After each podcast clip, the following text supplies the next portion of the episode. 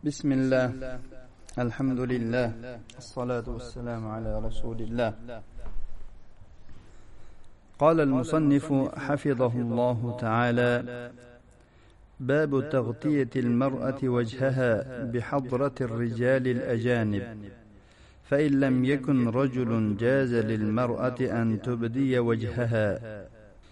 مصنف حفظه الله ayol kishi begona erkaklar huzurida yuzini berkitishi agar begona erkak bo'lmaydigan bo'lsa yuzini ochishligining mumkinligi haqidagi bob عن عبد الله بن عمر رضي الله عنهما قال قال النبي صلى الله عليه وسلم لا تنتقب المرأة المحرمة ولا تلبس القفازين أخرجه البخاري abdulloh ibn umar roziyallohu anhudan rivoyat qilinadi. Dedilar nabiy sollallohu alayhi vasallam aytdilar ehromdagi ayol niqob tutmaydi qo'lqop ham kiymaydi.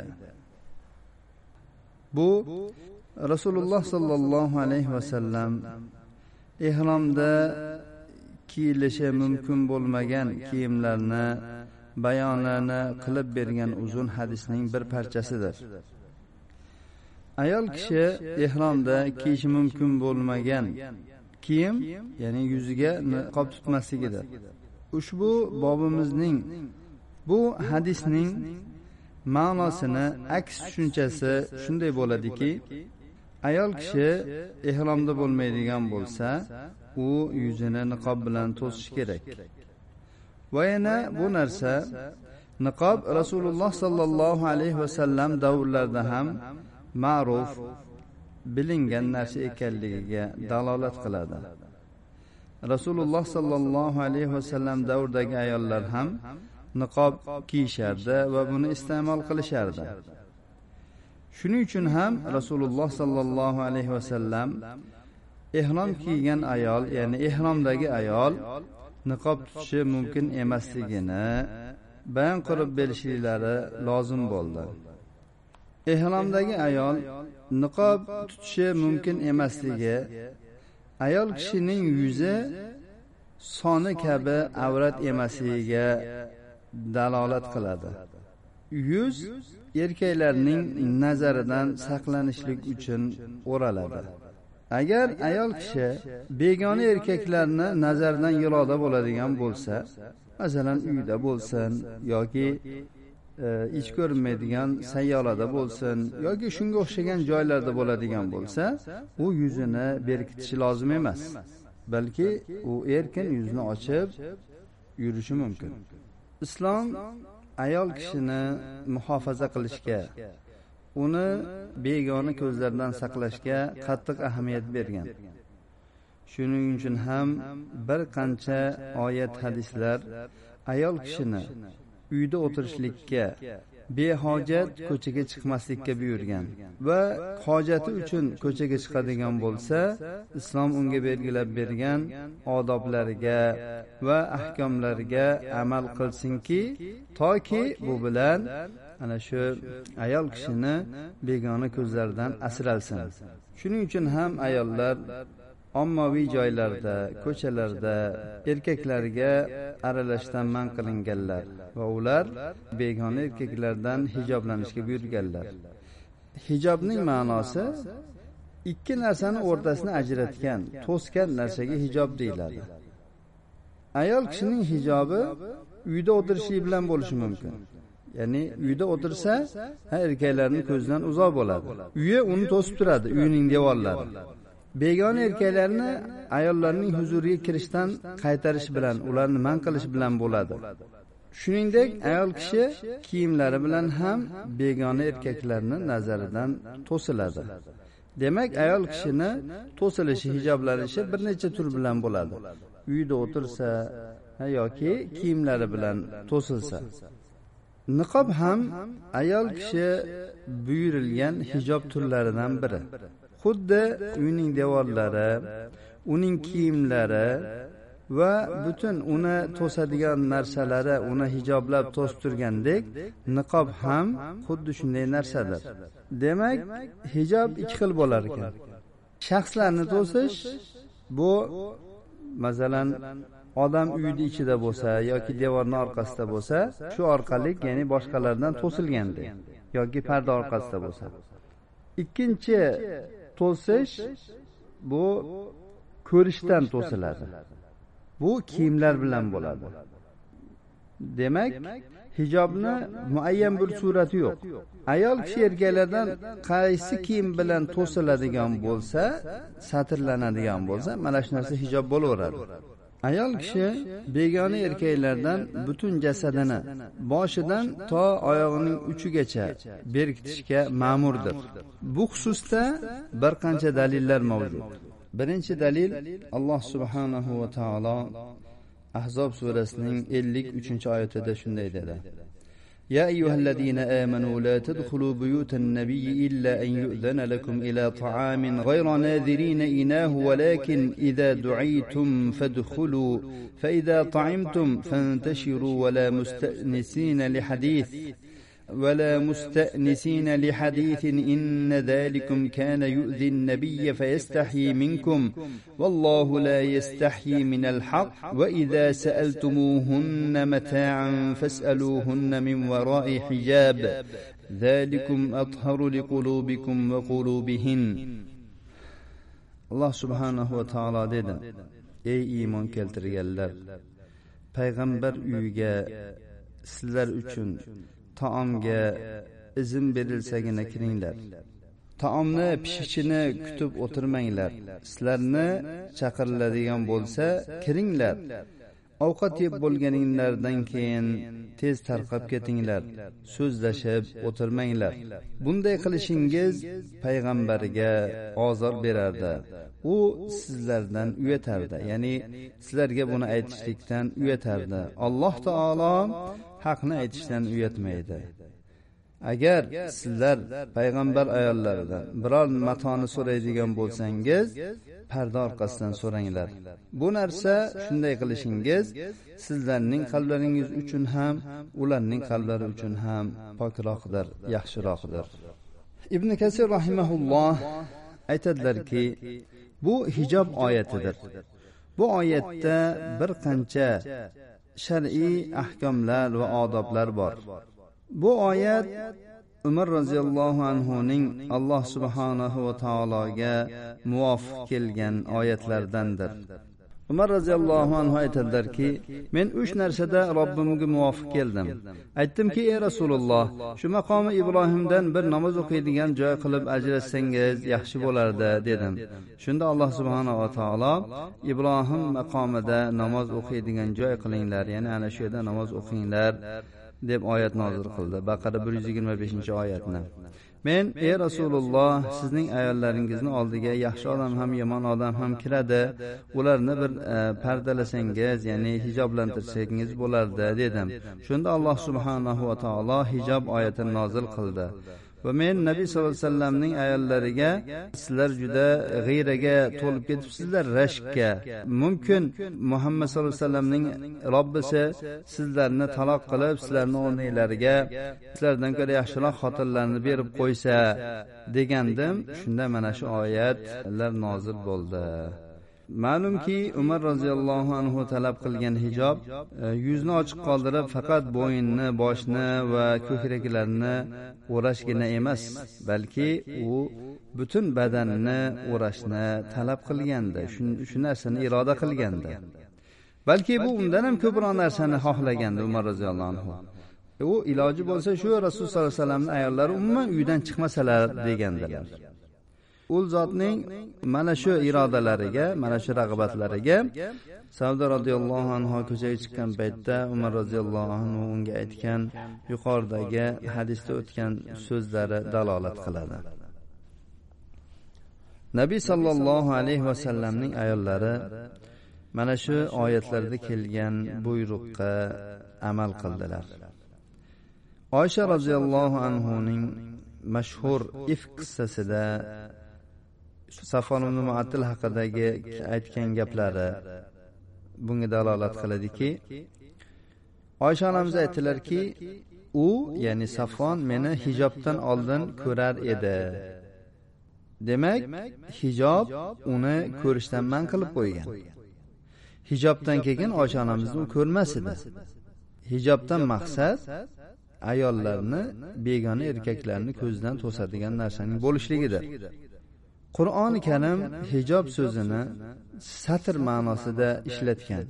bunga bir necha oyatlar dalolat qiladi. mana alloh subhanahu va taolo maryam haqida aytadiki fattaxodat min dunihim hijaba ya'ni maryam o'zi bilan ularning o'rtasida bir pardani qilib oldi hijob ya'ni maryam onamiz tutgan hijob haqida uchta so'z bor. birinchi ma'nosi to'siq va parda. ikkinchi ma'nosi maryam onamizga quyosh shunday bir soya solganki ahlidan biror kishi uni ko'rolmagan bu alloh subhanava taolo uni qilgan satrlaridan deyilgan. uchinchi ma'no maryam devorlardan iborat bir to'siqni qilib olgan ya'ni bir e, o'ziga alohida bir joy qilib olgan ibodatxona qilib olgan. Bu ma'nolarning hammasi ya'ni boshqa odamlarni ko'zidan ya'ni pardalanganligi ma'nosini bermoqda. Va bu ma'nolarda u sochini yoki bo'ynini boshqalardan berkitdi degan ma'no yo'q. Ulamolar hijob oyatlaridagi hijobdan nima maqsad buning ma'nosi nima degan masalada ixtilof qilishmadi. Lekin lekin bu hijob nabiy sollallohu alayhi vasallamning ayollariga xosmi yoki bu butun mo'minlarning ayollariga ham ommi degan masalada ixtilof qilishdi.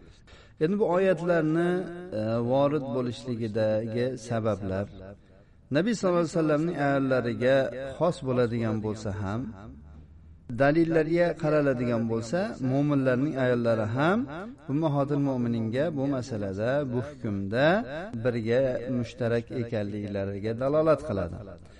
Birinchisi usul qoidasiga ko'ra ibrat lafzning umumiga ko'ra xos sababga ko'ra emas. Ya'ni xos sababga qaralmaydi lafzning umumiy ma'nosiga qaraladi. Ikkinchisi hamma ya'ni va ya'ni rasululloh sollallohu alayhi vasallamni ayollari ham boshqa ayollar ham hukmning illatida mushtarakdirlar bunda zalikum atharu liqulubikum va qulubihinna. Illat ya'ni bu erkaklarni ham ayollarni ham qalblari uchun ya'ni pokroq deyilyapti. Ibn jarir rahmaulloh aytadilarki va ida sa'altumuhunna mata'an fas'aluhunna min wara'i hijab degan oyat haqida agar rasululloh sollallohu alayhi vasallamning ayollaridan va sizlarga xotin bo'lmagan ya'ni sizlarning xotiningiz bo'lmagan mo'minlarning ayollaridan biror narsa so'raydigan bo'lsangiz parda orqasidan so'ranglar. Va yana aytadilarki parda orqasidan so'ranglar. Ularning uylariga kirmanglar. Mana shunday qilishingiz sizlarning qalbingiz uchun ham ularning qalbi uchun ham poklovchiroqdir yaxshiroqdir. Alloh subhanahu va taolo aytadiki sizlarning ulardan matoni so'ragan paytinglarda pardani orqasida turib so'rashinglar e, ularni ham sizlarning ham qalbingizga shu ko'z tufayli kelib qoladigan ishlardan poklovchiroqdir saqlovchiroqdir. Chunki erkakning ayolda ayolning erkakda o'ziga xos ya'ni mayilliklari bo'ladi. Bu narsalar erkakda ham ayolda ham sodir bo'lishi mumkin. Mana shu narsalardan saqlanishingizga yaqinroq va sizlarga ham u ayollarga ham shayton bir yo'l topishidan ko'ra bu uzoqroq deganlar. Ibn jarirning so'zlari shu yerda nihoyasiga yetdi. Imom qurtubiy aytadilarki bu oyat alloh subhanahu va taolo begona ayollardan hijob orqasidan turib ya'ni bir parda orqasidan turib agar bir hojat bo'ladigan bo'lsa so'rashning joizligiga dalildir. Yoki ulardan biron narsani fatvosini so'raladigan bo'lsa parda orqasidan turib so'rashlikning joizligiga dalildir. Bu masalaga ma'no jihatidan hamma ayollar kiraveradi. Ma'no jihatdan va shariatimiz usullari o'z ichiga olgan. Ayol kishining hamma yog'i avrat degan qoidaga ko'ra hamma ayollar bu masala ostiga kiraverishadi. Qurtubiy aytyaptilar ayol kishining badani ham ovozi ham avratdir. U e, badanini ham ovozini ham faqat hojat uchun chiqaradi. Masalan unga bir guvohlik e, keltirgan paytda yoki uni yoki bir badanida biror kasali bo'lsa shuni ochib ko'rsatishga majbur bo'ladigan bo'lsa. yoki e, undan biror e, narsani so'rash lozim bo'ladigan bo'lsa shundagina ovozini chiqaradi va badanini lozim bo'lgan joylarini ko'rsatadi qurtubiyning so'zlari nihoyasiga yetdi abu bakr al jassos aytadilarki وإذا سألتموهن متاعا فاسألوهن من وراء حجاب oyati nabiy sallallohu alayhi vasallamni ayollarini ko'rishlikni man qilishni o'z ichiga olyapti va bu narsa erkaklarning ham u ayollarning ham qalblari uchun pokroq ekanligini bayon qilyapti. chunki ularning bir birlariga qarashi tufayli qanchadir bir miqdorda moyillik va shahvat ro'y berishi mumkin. alloh subhanahu va taolo bu narsani mana shu sababli farz qilgan hijob bilan uzib tashladi. alloh taolo aytdiki va ma kana lakum an tu'zu rasululloh sizlar rasululloh sollallohu alayhi vasallamga ozor berishinglar mumkin emas. Ya'ni mana shu oyatda bayon qilganidek ya'ni istezon ya'ni ruxsat so'rab kirishlikning farzligi va e, rasululloh sollallohu alayhi vasallam oldida uzoq gapirib o'tirmaslik. Ular bilan rasululloh sollallohu alayhi vasallam ayollarning o'rtasidagi hijobning farz bo'lishi. Bularning hammasi mana shu oyat e, o'z ichiga olyapti shu masalalarning hammasini. Va hadal hukm ya'ni bu hukm nabiy sollallohu alayhi vasallamning ayollariga xos bo'lib nozil bo'lgan bo'lsa ham ma'no ular va boshqalar haqida omdir chunki biz rasululloh sollallohu alayhi vasallamga ergashishlikka buyurilganmiz faqat rasululloh sollallohu alayhi vasallamning o'zlariga xos bo'lgan ishlar bundan mustasnodir abu bakr jassosning so'zlari nihoyasiga yetdi ikkinchi dalil. Demak birinchi dalil hijob oyati ekan. bu masalada rasululloh sollallohu alayhi vasallamning ayollari ham butun mo'minlarning ayollari ham barobar ekanlar. ikkinchisi alloh subhanahu va taoloning ushbu oyati يا أيها النبي قل لأزواجك وبناتك ونساء المؤمنين يدنين عليهن من جلابيبهن. ذلك أدنى أن يعرفن فلا يؤذين. وكان الله غفورا رحيما. أحزاب 59 آيات. alloh taolo payg'ambarimiz muhammad sollallohu alayhi vasallamga buyurib aytdiki ey payg'ambar ayollaringizga qizlaringizga va mo'minlarning ayollariga ayting. Ular yopinchiq va ro'mollarini tashlasinlar va boshlari yuz va ko'kraklarini u bilan to'ssinlar. Shunday qilishlari satr va berkitish bilan ajralib turishlariga yaqinroq ularga ozor va yomonliklar qilinishidan uzoqroqdir. Alloh taolo g'afurur rahim zotdir. Bu alloh subhanahu va taoloning alloh taolo tomonidan uning vahyini va shariatini yetkazuvchi bo'lgan payg'ambarimiz muhammad sollallohu alayhi vasallamga bergan buyrug'idir. u zot o'z ayollari qizlari va mo'minlarning ayollarini hijoblanishga buyurishga buyruq oldilar. hijoblanish deyilganda ana shu boshlaridagi yopinchiqlarini bir qismini boshlaridan tushirib yuzlarini ham va butun badanlarini ham berkitishga buyurildilar. yopinchiq bu ayol kishini butun badanni o'rab turadigan narsadir. ibn hajar rahimaulloh aytadilarki yopinchiq ro'mol ham deyilgan yoki ro'moldan ko'ra kengroq narsa ham deyilgan. chopondan ko'ra kichikroq keng kiyim ham deyilgan izor ham deyilgan o'ranchiq ham deyilgan. Ya'ni hijob haqida bir nechta ma'nolar aytilgan. Bularning hammasi bir biriga yaqin ma'nodagi so'zlar bo'lib bundan maqsad badanning hammasini to'sib turishdir. Bir qancha ahli ilmlar qadimda ham hozirgi zamonamizda ham jilbob oyatini begona erkaklarga ro'para kelib qolgan paytda ayol kishi yuzini to'sishligi deb tafsir qilganlar. shunday deb tafsir qilgan ulamolardan biri imom ibn jarir tabariydir aytadilarki alloh subhanahu va taolo payg'ambari muhammad sallallohu alayhi vasallamga ey payg'ambar ayollaringizga qizlaringizga va mo'minlarning ayollariga aytingki ular hojatlari uchun uylaridan chiqqan paytda kiyinishlarida cho'rlarga o'xshamasinlar. cho'rlarga o'xshab sochlarini va yuzlarini ochmasinlar. lekin ular yopinchiqlardan bir qismini quyi tushirsinlar. bundan maqsad ularga fosiq ro'bara kelib qoladigan bo'lsa ularga so'z bilan ozor berib qo'ymasin ibn jarir rahimaulloh bu yerda yopinchiqni quyiroq tushirishdan bo'lgan ma'no bu cho'rlarga xilof o'laroq yuzlarini va sochlarini o'rash deb ma'no berdilar. Agar ular o'ranadigan bo'lsalar ularning hur ayollar ekanligiga dalolat qiladi.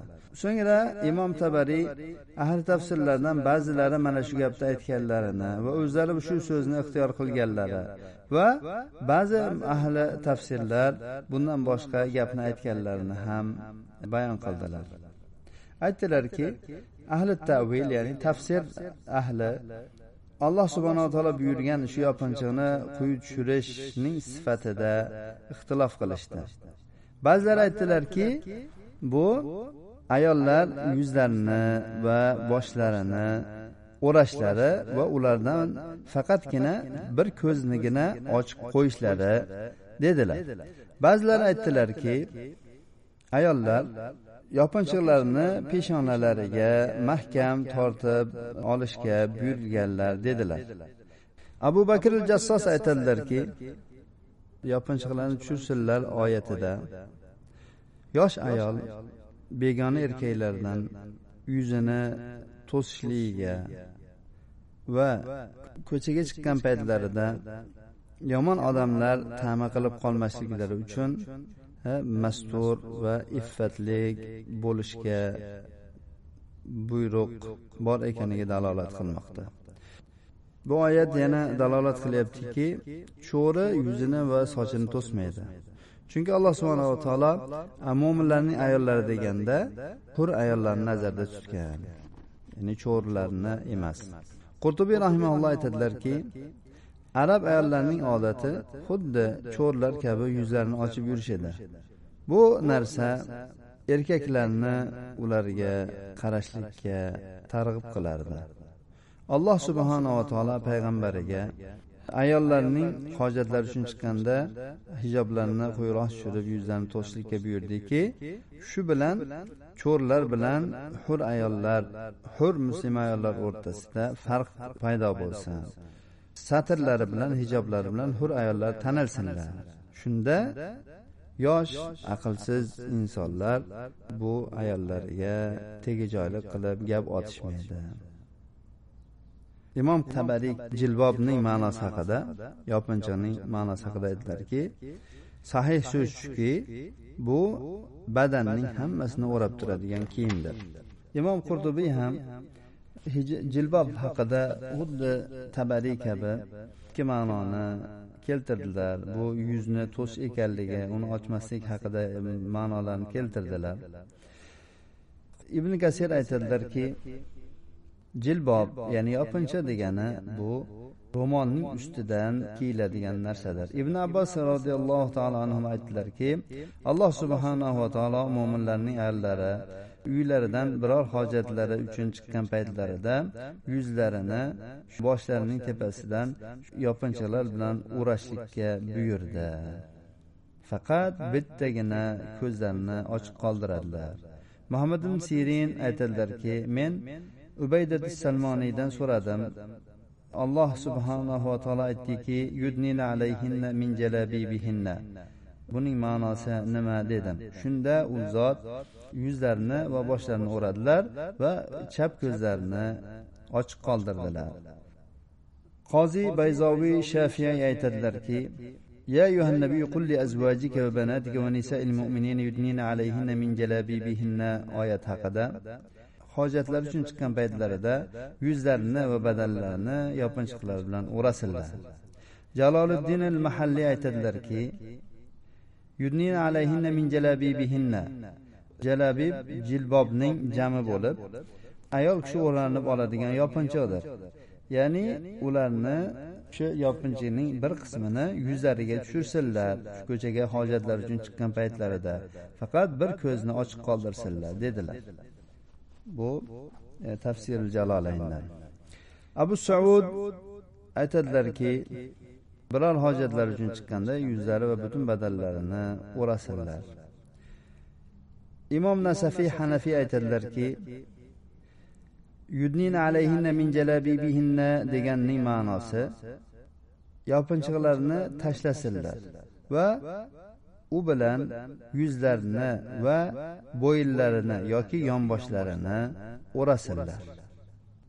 Ayol kishini yuzidan kiyimi ko'tarilib ketadigan bo'lsa unga kiyimingni yuzingga tushirib ol deyiladi. Bu yerda idino kalimasi ishlatiladi. Ya'ni bu o'rab olishga dalolat qiladi ya'ni. Bu yerdagi min jalabibihinna degandagi min bu tabiz ya'ni yopinchalarni bir qismini degan ma'nodadir. Ya'ni shu oshig'ini bundoq betlarga tushirib olsin degani. Bu bilan ayol kishi yuzini to'sib cho'rilardan ajralib oladi ajralib qoladi yoki ajralib oladi. Yoki bundan maqsad ayollar ko'chaga chiqqanda xuddi cho'rlarga o'xshab faqat bir ro'mol bilan ko'ylak bilan chiqmasinlar. ya'ni quruq ko'ylak va ro'mol bilan chiqmasinlar. Buning ustidan yopinchiqlardan bittasini ya'ni bir necha yopinchiqlar bo'lsa minjalabibihinna o'shalardan bittasini olib olam olsinlar degan ma'no dedilar. bu imom nasafiyning gapi ketyapti bu yerda. Ya'ni ayol kishini uyda ikkita va undan ortiq odatda yopinchig'i bo'ladi ya'ni hijobi bo'ladi buning sababi islomning boshida ayollar xuddi haligi johiliyatdagiga o'xshab ko'chaga bitta ko'ylak va e, ro'mol bilan chiqib ketishardi. Hur ayol bilan cho'ri ayol o'rtasida hech qanday farq yo'q edi. Shu sababli yigitlar kechqurunda shu ayollar qazoy hojati uchun chiqqan paytlarida cho'rilarga bir ya'ni tajovuz qilishardi yoki bundoq qilib aytadigan bo'lsak gap otishardi. Kechqurunda bilmasdan ular hur ayollarga ham shunday qilib qo'yishliklari ya'ni mumkin edi sodir bo'lib turardi gohida shu sababli alloh subhanava taolo hur ayollarning kiyimlari cho'ri ayollarning kiyimlaridan farqli bo'lishligiga buyurdi va hur ayollarni boshlarini va yuzlarini yopinchiqlari bilan o'rashlikka buyurdi toki ularda tamagirlar tama qilib qolmasin. Yuz uch yuz o'n beshinchi bet zamaxshariy aytadiki yudnin alayhinna min jalabibihin ya'ni shu yopinchiqlarini tushirsinlar va yuzlarini va bo'yinlarini yoki yonboshlarini bu bilan e, o'rasinlar. Atofahunna deyilyapti. Atof deb bo'yinni aytish ham mumkin yonboshni aytish ham mumkin. Yonbosh butun yonboshni ya'ni yonboshni o'rasin deganda ya'ni u yonboshda bu yonboshda o'rasa ayol kishi to'la o'raladi. Zamaxshariy ham aytyaptilarki ayol kishini yuzi ochilib qoladigan bo'lsa unga ya'ni ibn savbak deyiladi. E, ya'ni betini betingni yopib ol kiyim e, degan ma'noda. Va bundan boshqa ko'p ahli ilmlar ushbu ma'noni aytganlar. Musulmonlar va ularning ayollari ichida ayol kishi ko'chaga chiqayotgan paytda hijoblanishi ya'ni hijob kiyishli bu mashhur va ma'lum narsa bo'lgan. Shuning uchun ham rasululloh sollallohu alayhi vasallam ayollarni qurbonlik va ramazon hayitlarida bir yaxshilikka shohid bo'lsinlar va musulmonlarning duolarida birga qatnashsinlar deb chiqishga buyurganlarida ba'zi bir ayollar agar ayol kishini yopinchig'i bo'lmasa hijob bo'lmasa nima qiladi unda? Chiqadimi yo chiqmaydimi? deb buni masalasini so'rashdi. Shuni so'rashlikka muhtoj bo'lishdi.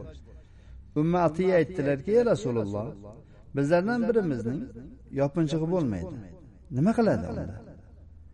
Demak bu ayol kishi ko'chaga chiqqan paytda hijob kiyishi zarur degan tushunchada ekanligiga dalolat qilyapti.